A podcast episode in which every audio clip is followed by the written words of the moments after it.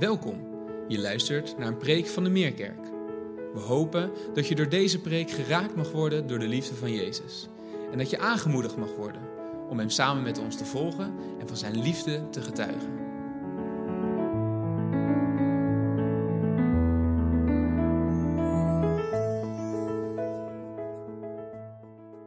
Goedemorgen. Wat een feest, zoveel mensen. Dank jullie wel dat jullie gekomen zijn. Maar het allergrootste dankwoord is aan onze Heer dat Hij hier al was voordat wij zelfs wakker werden. En Hij wacht ons op. En ik hoop zo dat in de boodschap van vanmorgen dat ook mag doorklinken. Dat God en ieder van ons, dus ook jou en mij, op het oog heeft. Wel, ik ben dankbaar om hier weer te mogen staan. Samen te bidden, te zingen, de Bijbel te openen. En al zou ik nu amen zeggen en zeggen, nou, de preek is voorbij. Dat zijn jullie niet van mij gewend, zo'n korte preek. Maar dan is het al meer dan de moeite waard geweest. Ik ben al zo gezegend en dank muziekteam, dank Trea. Ik zeg het dan ook heel bewust, wat is het goed om samen te bidden, te zingen, de Bijbel te openen. En wat een lied. Wat hou ik van uw huis. En wat lazen we over dat huis in 1 Petrus 2. Dat is God die ons gekozen heeft om een levende steen te zijn in zijn huis. Daar gaan we het vanmorgen over hebben. Maar we hebben ook een beetje een, een, een lange aanloop nodig om te begrijpen wat in 1 Petrus 2 geschreven is. De apostel Petrus noemt dat huis een geestelijk huis. In deze vertaling van de NBV 21, de meest recente, wordt gesproken over een geestelijke tempel. En in die tempel is Jezus Christus de hoeksteen. En wij de levende stenen. Nou, als je er afgelopen week was en de serie misschien al gevolgd hebt in deze maand september, dan weet je dat afgelopen zondag hebben we met elkaar gelezen uit Matthäus 16. Daar is Petrus nog een jonge volgeling van Jezus, aan het begin zeg maar van zijn apostolische loopbaan. Nu, bij het schrijven van deze brief, is hij ouder geworden. Ik ben 67 geworden en ik denk dat hij zeker 67 was toen hij de brief schreef. Dus ik heb me ook wel in hem verdiept en gedacht: ja, wat doe je aan het eind van je leven als je nog een boodschap mag doorgeven? Dat zijn de twee brieven van Petrus aan het eind van zijn leven. Wij hebben gelezen uit de eerste brief, er is ook nog een tweede brief. Maar Petrus zal teruggegaan zijn naar toen hij nog jong was en net begonnen was. Hij was geroepen door Jezus aan het meer van Galilea om hem te volgen. En op een gegeven moment vraagt Jezus, en dat hebben we afgelopen week gezien, zondag in de preek. Dan zegt Jezus, wie, wie zeggen de mensen dat ik ben en, en wie zeggen jullie dat ik ben? En dan beleidt Petrus dat Jezus is de Christus, de Zoon van de levende God. En dan hoort hij direct, als je dat beleidt, dan word je ingezet in de bouw van een geestelijk huis, een tempel, de gemeente van Jezus Christus. En als je dan doorleest naar de evangelie in het boek Handelingen, dan zie je hoe die gemeente, die kerk, vorm krijgt. Beginnend in Jeruzalem. En het verspreidde zich over een groot deel tot ver in het Romeinse Rijk. Nu, die eerste brief van Petrus is geschreven aan een groep gelovigen in Klein-Azië, heette het toen. Dat is nu het huidige Turkije. En die brief die opent Petrus met woorden die denk ik direct deze gelovigen enorm bemoedigd hebben. En ik hoop ook zo dat ze ons bemoedigen vanmorgen. Hoor wat hij in de openingszin zegt van zijn eerste brief aan hen. En ik lees het voor uit de Bijbel in gewone taal. Voor wie nieuw is, er zijn heel veel vertalingen van de Bijbel. Dit is de Bijbel in gewone taal. En het is ook gewone taal. Hoor maar. 1 Petrus 1, vers 1. Dit is een brief van Petrus, een apostel van Jezus Christus, aan de christenen die tussen de ongelovigen wonen in de provincies Pontius, eh, Galatië, Cappadocië, Azië en Bithynië. Dat is dat gebied wat nu uh, Turkije is. En dan schrijft hij: God heeft jullie uitgekozen als zijn volk en zijn geest heeft jullie heilig gemaakt, apart gezet Daardoor zijn jullie vreemdelingen geworden in de steden waar jullie wonen. Jullie vereren nu geen andere goden meer, maar jullie leven zoals God wil. Want jullie weten dat Jezus Christus voor jullie gestorven is. Lang geleden had God de Vader al besloten dat alles zo moest gaan. In oudere vertalingen staat: zijn jullie voorbestemd hiertoe. Ik wens jullie toe dat God voor jullie is, goed voor jullie is en jullie voor altijd vrede geeft. Eerste twee versen uit de eerste brief. Nou, tot zover. Ik zei het al, wat moet deze opening van de brief een ontzettend grote bemoediging geweest zijn voor de lezers. Je bent weliswaar vreemdeling, maar daar eindigt jouw verhaal niet. Je bent uitgekozen, ja, uitverkoren door God. En terwijl Petrus deze woorden schreef, moet hij ongetwijfeld gedacht hebben aan wat hem zelf overkomen was. Ik zei het al, aan het begin van zijn loopbaan. Want dat is zo mooi als je aan het begin van iemands leven hoort hoe het gegaan is en dan ook hoe zich dat ontwikkelt naarmate hij ouder en ouder wordt. En als Petrus deze woorden schrijft aan deze jonggelovigen die aan het begin staan van hun reis met God, en vooral Gods reis met hen, dan is het zo goed om ook van anderen te horen hoe zij begonnen zijn. En Petrus heeft dat gedaan. En hij zal nu gedacht hebben, och, laat ik nog eens teruggaan naar mijn begintijd. Wat is mij overkomen toen ik net tot geloof kwam? En afgelopen zondag hoorden we het verhaal over de jongere Petrus, welke ontdekking hij deed, de ontdekking van zijn leven. Namelijk het leren kennen van Jezus als de Christus, de Messias, de gezalfde, de lang verwachte, de zoon van de levende God. En daar eindigde het niet. Dat is niet zomaar een overtuiging, moest Petrus horen van Jezus. Wat jij nu zegt, dat ik de Christus ben, de zoon van de levende God, heeft zijn oorsprong niet in mensen die erover nagedacht hebben en gezegd hebben, nou dat lijkt ons wel een leuk idee. Nee, dit is niet minder dan een openbaring van God zelf. Zo had Jezus het tegen Petrus gezegd. Matthäus 16, vers 17. Gelukkig ben je, Simon Barjona, Simon, zoon van Jona. Later kreeg hij de naam Petrus, dat betekent rots. Gelukkig ben je Simon Barjona, want dit is je niet door mensen van vlees en bloed geopenbaard, maar door mijn Vader in de hemel. En het is nu precies deze openbaring van God zelf, die zich als vader over zijn kinderen ontfermt, die ook deze vreemdelingen ontvangen hadden. Want het is een wonder als iemand mag beleiden dat Jezus de Christus is, de Zoon van de levende God. Dat moet je gegeven worden. Daar mag je voor openstaan, daar mag je je hart voor openen. En dat zien we in de Bijbel ook telkens weer. Mensen die openstaan, die hun hart openen.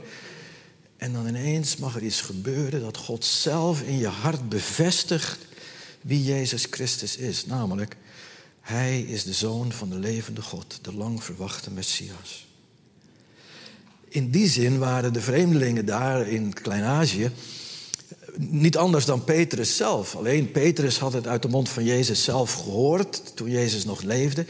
Zij later hoorden het van de apostelen die het evangelie brachten. En het was de Heilige Geest die Jezus beloofd had dat hij zou komen, die in hun hart diezelfde openbaring gaf.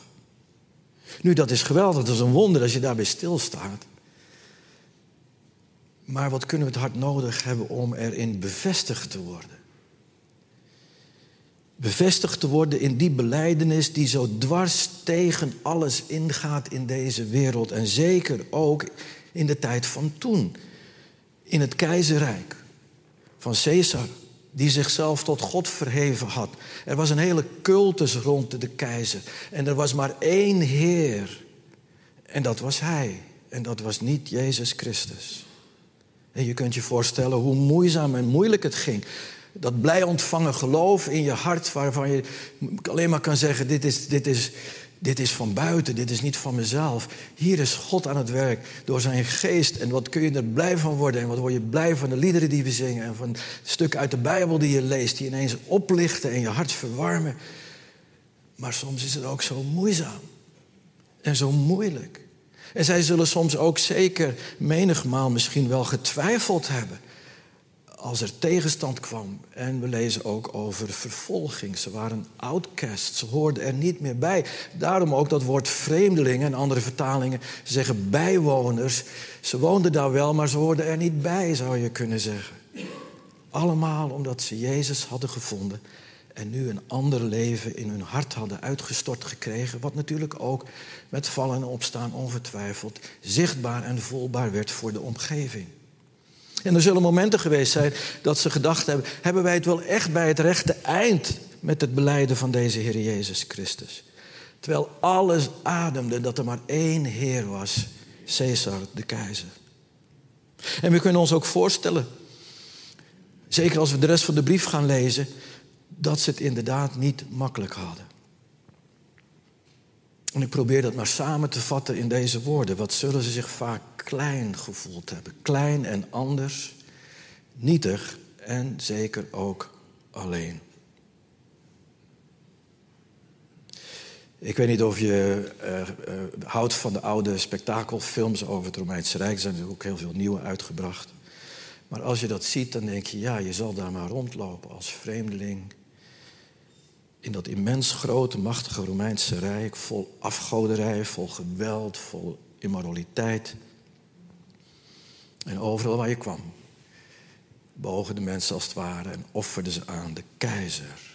En dan ben jij deel van een klein handjevol volgelingen van ene Jezus, die je zelfs nog niet eens persoonlijk gekend heeft. Petrus wel, maar velen daarna niet maar die toch ontdekt hebben dat God van zich heeft laten horen en in ons hart gewerkt heeft door zijn geest. En later toen de Bijbel geschreven werd, geleid en geïnspireerd door diezelfde Heilige Geest, dat ook die woorden ineens binnen kunnen komen als woorden van, je zou bijna zeggen, ver weg in het heelal waar we net van gezongen hebben, dat daar een God is die ons kent.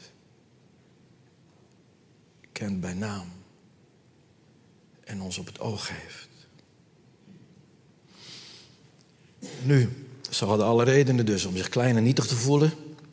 Speelbal en willekeur van machten en krachten die het op hen gemunt hadden in alle grilligheid zoals dat vaak ging. De ene dag was een goede dag, de volgende dag wist je je leven niet veilig. En bedenk, dan valt de brief van Petrus op de deurmat. En hij schrijft, hoe jullie je ook voelen mogen als vreemdeling, verstrooid in dat immense rijk van Caesar, de keizer.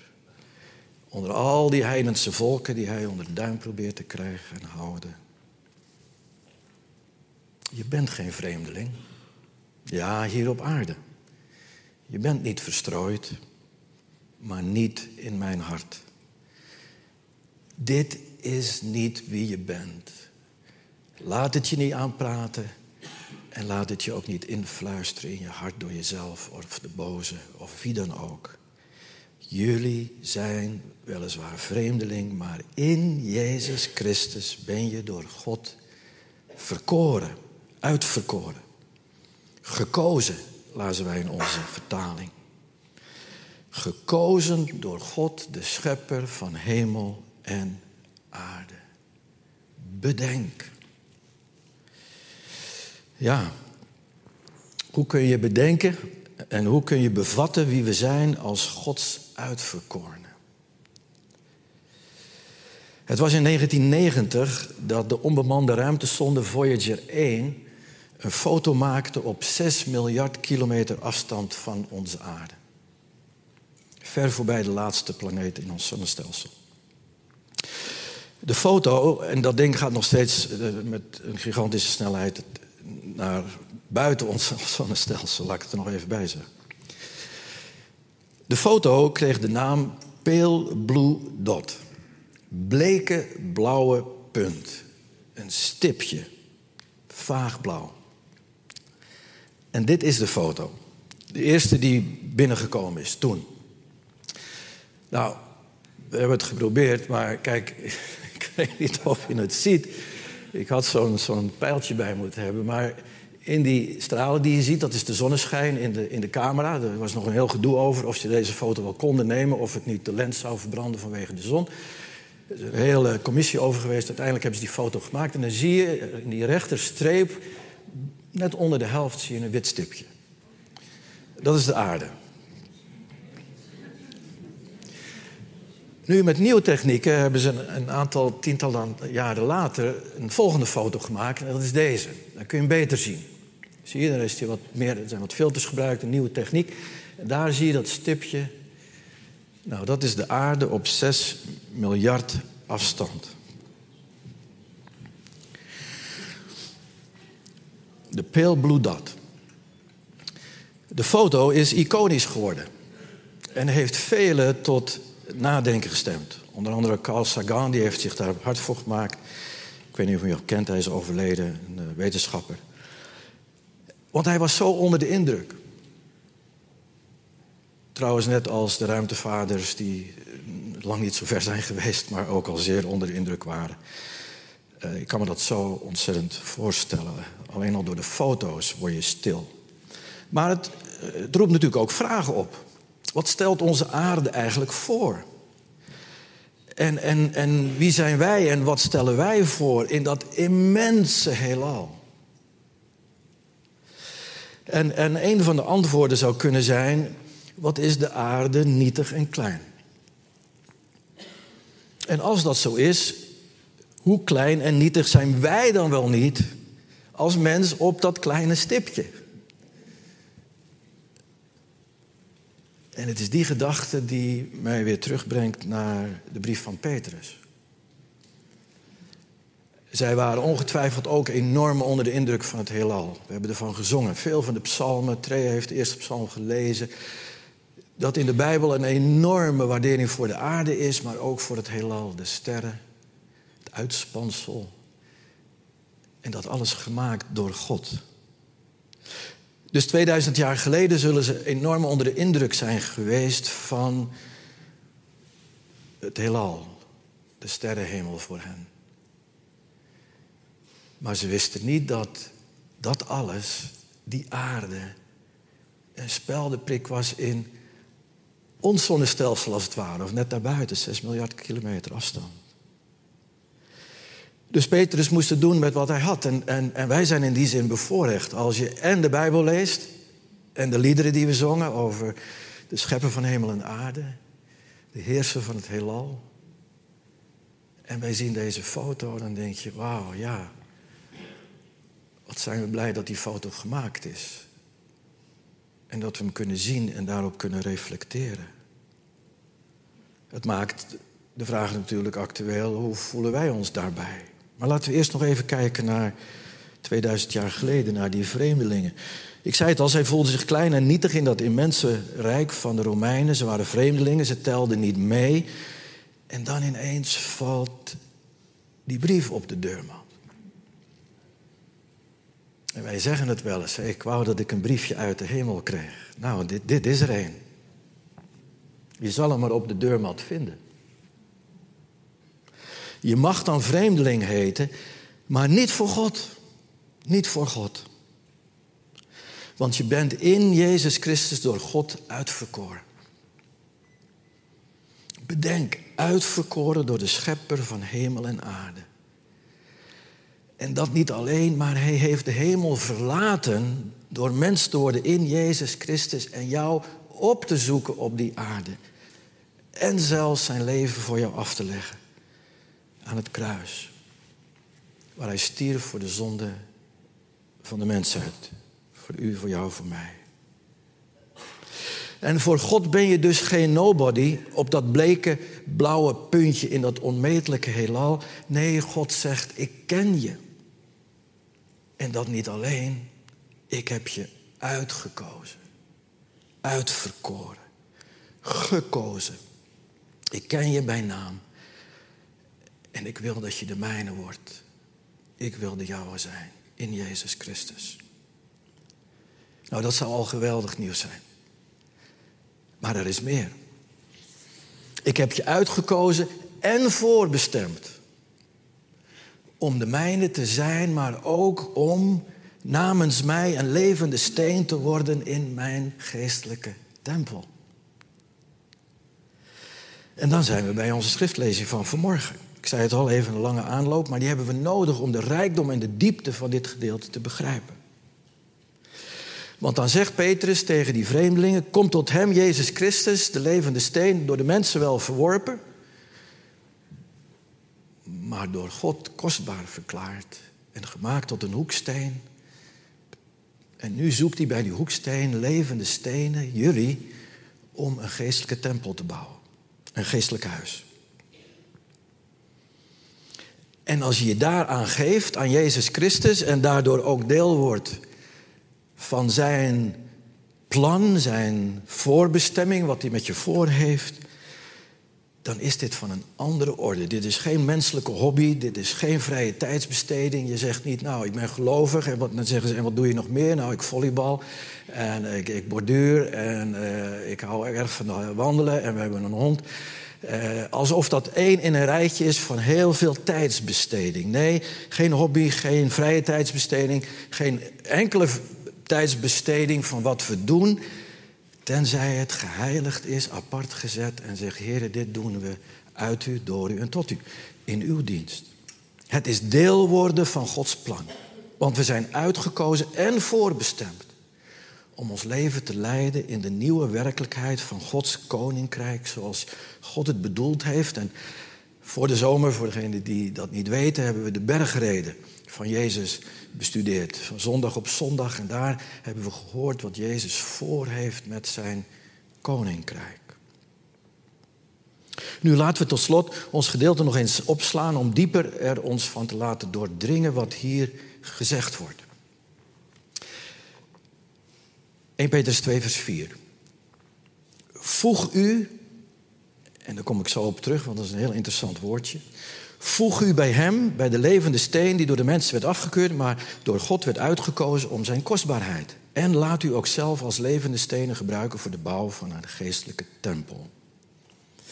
Nu dat woordje voeg u moet boekdelen gesproken hebben voor de lezers van toen. Hadden zij zich niet door het nieuw gevonden geloof losgemaakt van een zo totaal ander leven in het Romeinse Rijk, dat ze tot dan toe geleefd hadden. Maar toen leerden ze Jezus kennen, toen werd alles anders. En vaak wordt dan gedacht, dan wordt het leven er niet leuker op als je gelovig wordt. Uh, velen zeggen, ja, is geloven niet saai, is het niet zullig, uh, want niks mag dan meer. En misschien uh, hebben we die ervaring uit ons verleden, dat de kerk en Jezus en geloof en de Bijbel vooral gaat wat je niet mag doen. Het maakt het leven niet leuker. En helaas, laten we eerlijk zijn, dat is ook misschien wel meer dan we zouden liefhebben. Het beeld van geloven hebben wij misschien wel aan bijgedragen als kerk. Niets mag meer. We moeten nu alleen nog maar heel strak tussen de lijntjes lopen. Maar dat staat zo haaks op het woord evangelie. Want evangelie betekent letterlijk, het evangelie van Jezus Christus, goed nieuws. Blijde boodschap. En juist met die blijde boodschap, dat evangelie, dat goede nieuws, gaat er een nieuwe, rijke, kostbare wereld voor je open. Die je voorheen niet gekend hebt. Waarvan je denkt, ik wist niet dat het bestond. Het is alsof je een astronaut wordt die het heelal in gaat en zegt: Ik wist niet dat onze wereld zo groot en rijk was als deel van dit heelal.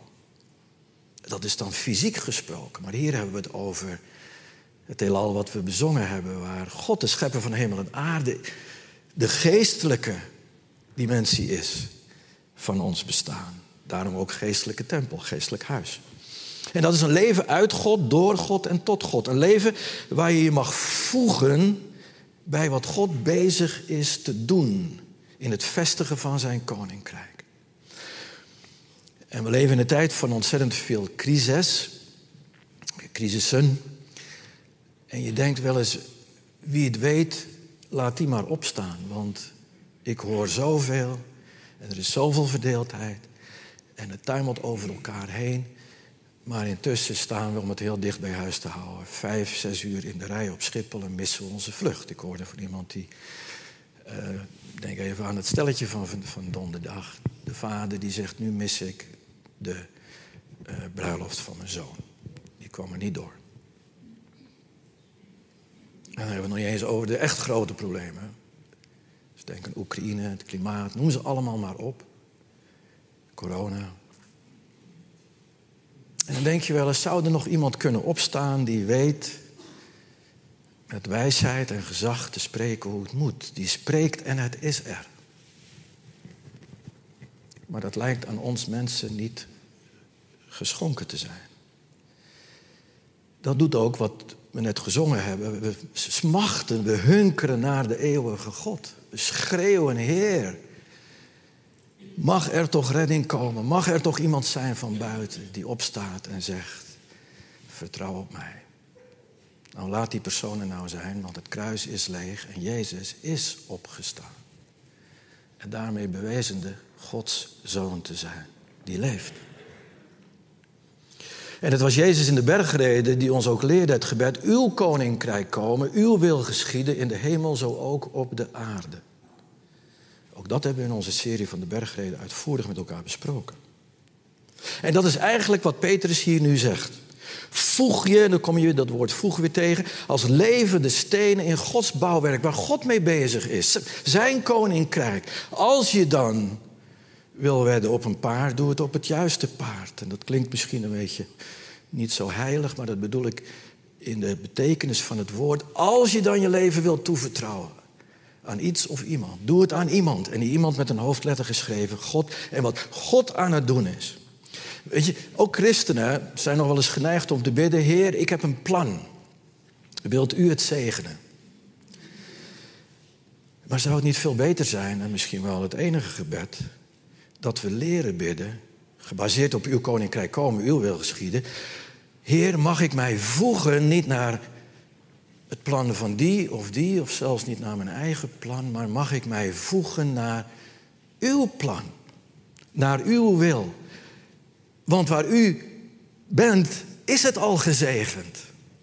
God is gezegend. Gezegend wie komt in de naam van de Heer. Jezus is de gezegende gekomen in de naam van de Heer. Je hoeft God niet te vragen om te zegenen. Hij is zegen. En als je je voegt bij Hem als levende steen en je laat invoegen in wat Hij aan het bouwen is, dan mag je weten dat daar zegen op rust. En deze maand waar we nadenken over bouwen, denk ik, wat is het goed om ons te realiseren als we ons als levende stenen laten voegen naar Gods plan, naar Zijn bestemming, dan zijn we gezegend.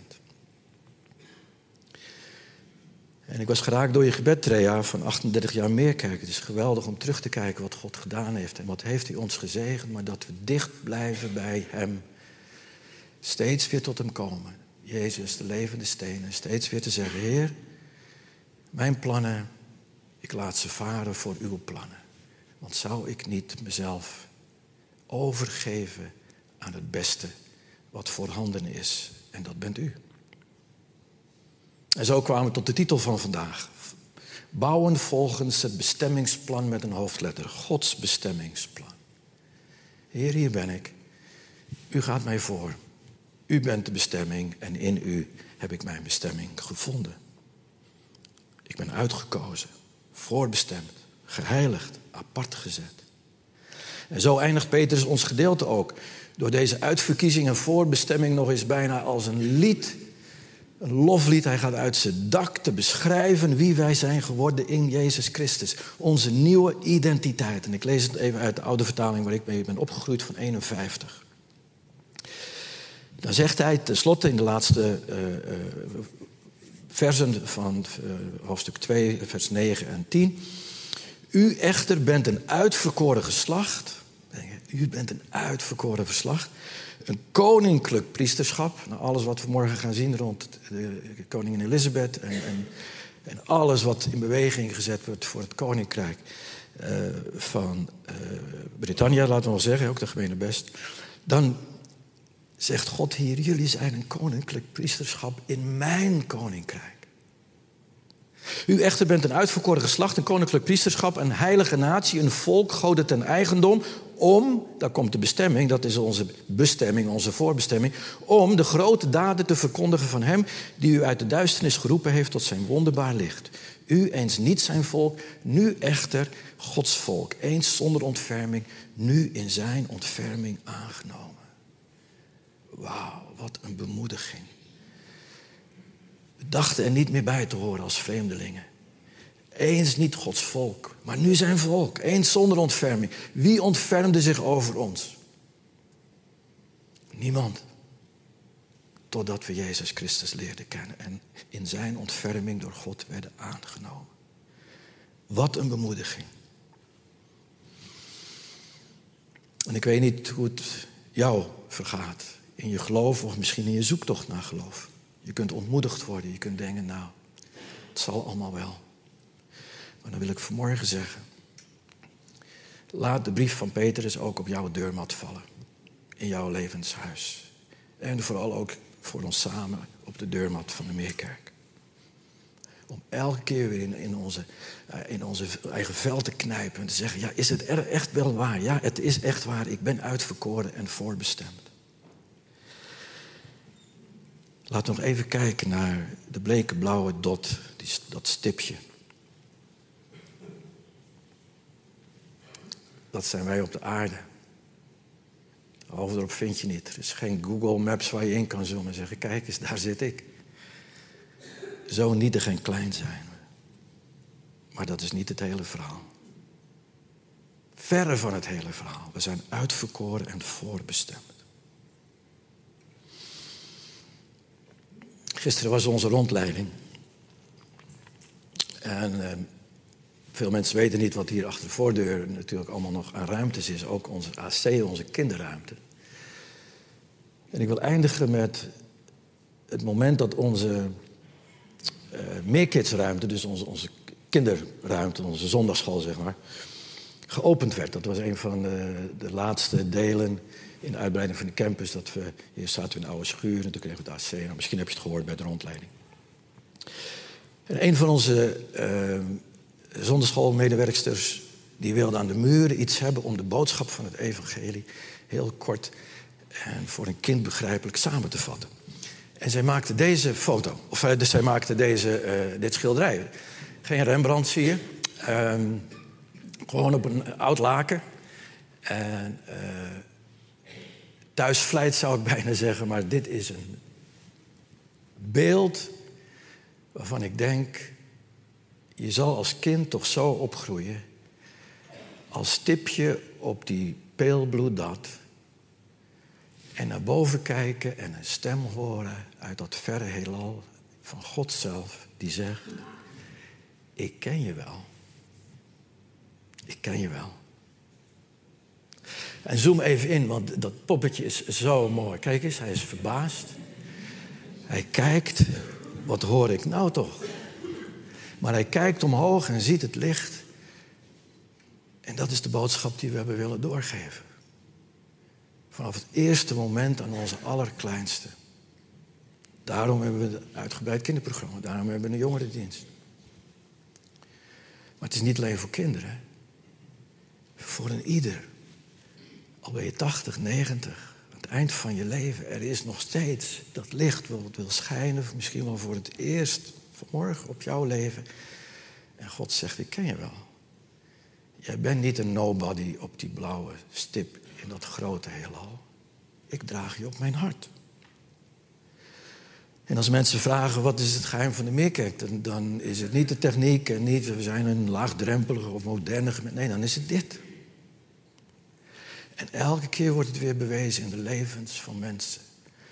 Als dat je deel wordt, dan gaat er een nieuwe wereld voor je open. We hebben net gebeden voor Lisette en de kinderen en ouders en schoonouders van Richard de Haan, die begraven is. Afgelopen vrijdag hadden hier de uitvaartdienst, een dankdienst voor zijn leven. Toen hij vier jaar was, werd kanker bij me ontdekt. En als vijfjarig jongetje vroeg die mama, ga ik nu dood? En moeder G moet op dat moment gezegd hebben, heren, wat, wat zeg ik? ik? Ik moet eerlijk zijn, we hebben met de artsen gesproken, maar...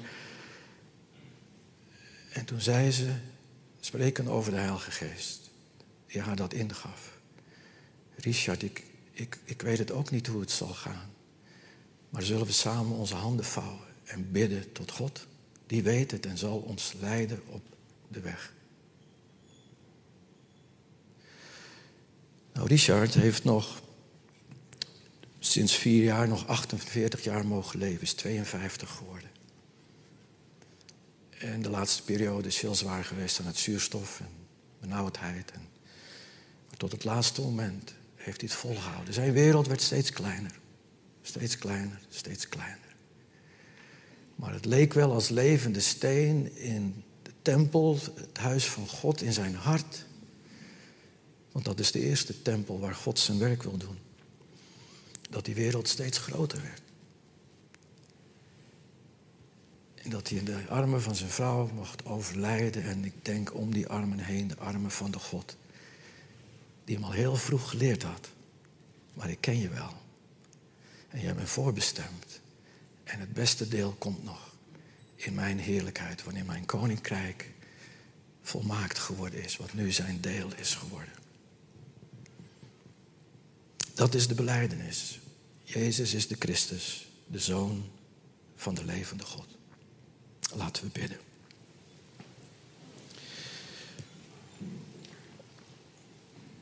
Heer, we willen vanmorgen onze handen vouwen misschien wel het beeld van dat jochje op het scherm.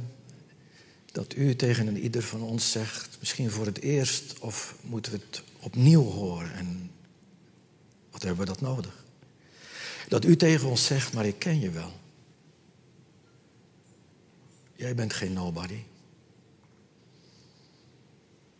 Ik heb mijn zoon gezonden naar de aarde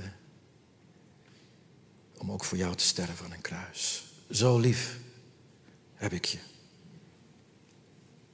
Want al zo lief heeft God de wereld gehad, dat hij zijn enig geboren zoon gegeven heeft, opdat een ieder die in hem gelooft niet verloren gaat, maar eeuwig leven hebben. Leven dat begint en uitgestort wordt in je hart en straks overgaat van aards leven in hemels leven.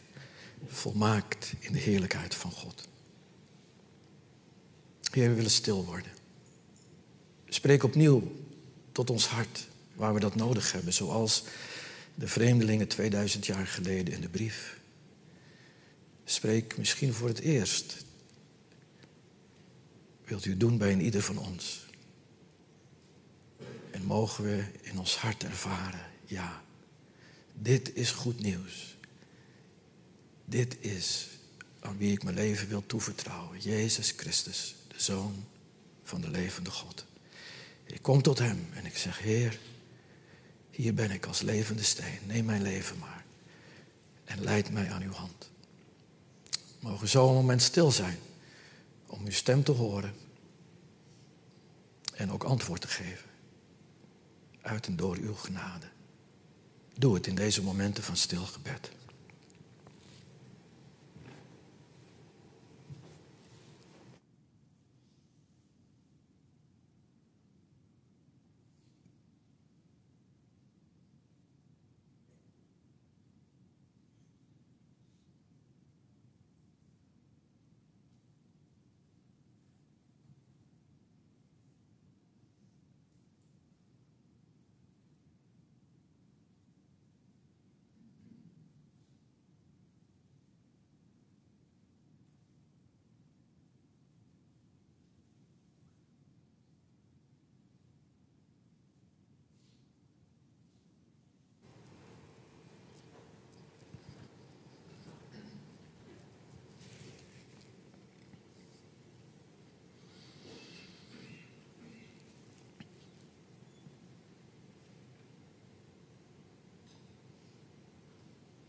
Heer, dank u wel. Voor het wonder van uw genade, uw liefde, uw vergeving. Alles wat u bent en voor ons gedaan hebt. Samengevat in die laatste woorden van Petrus. Eens niet uw volk, maar nu uw volk. Eens zonder ontferming, nu in uw ontferming aangenomen.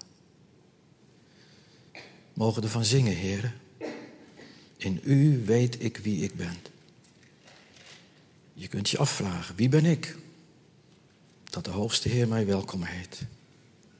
Het is om Jezus de Christus, de Zoon van de levende God. In zijn naam danken we u en bidden we u. Amen. Fijn dat je hebt geluisterd. Voor meer informatie ga naar www.meerkerk.nl.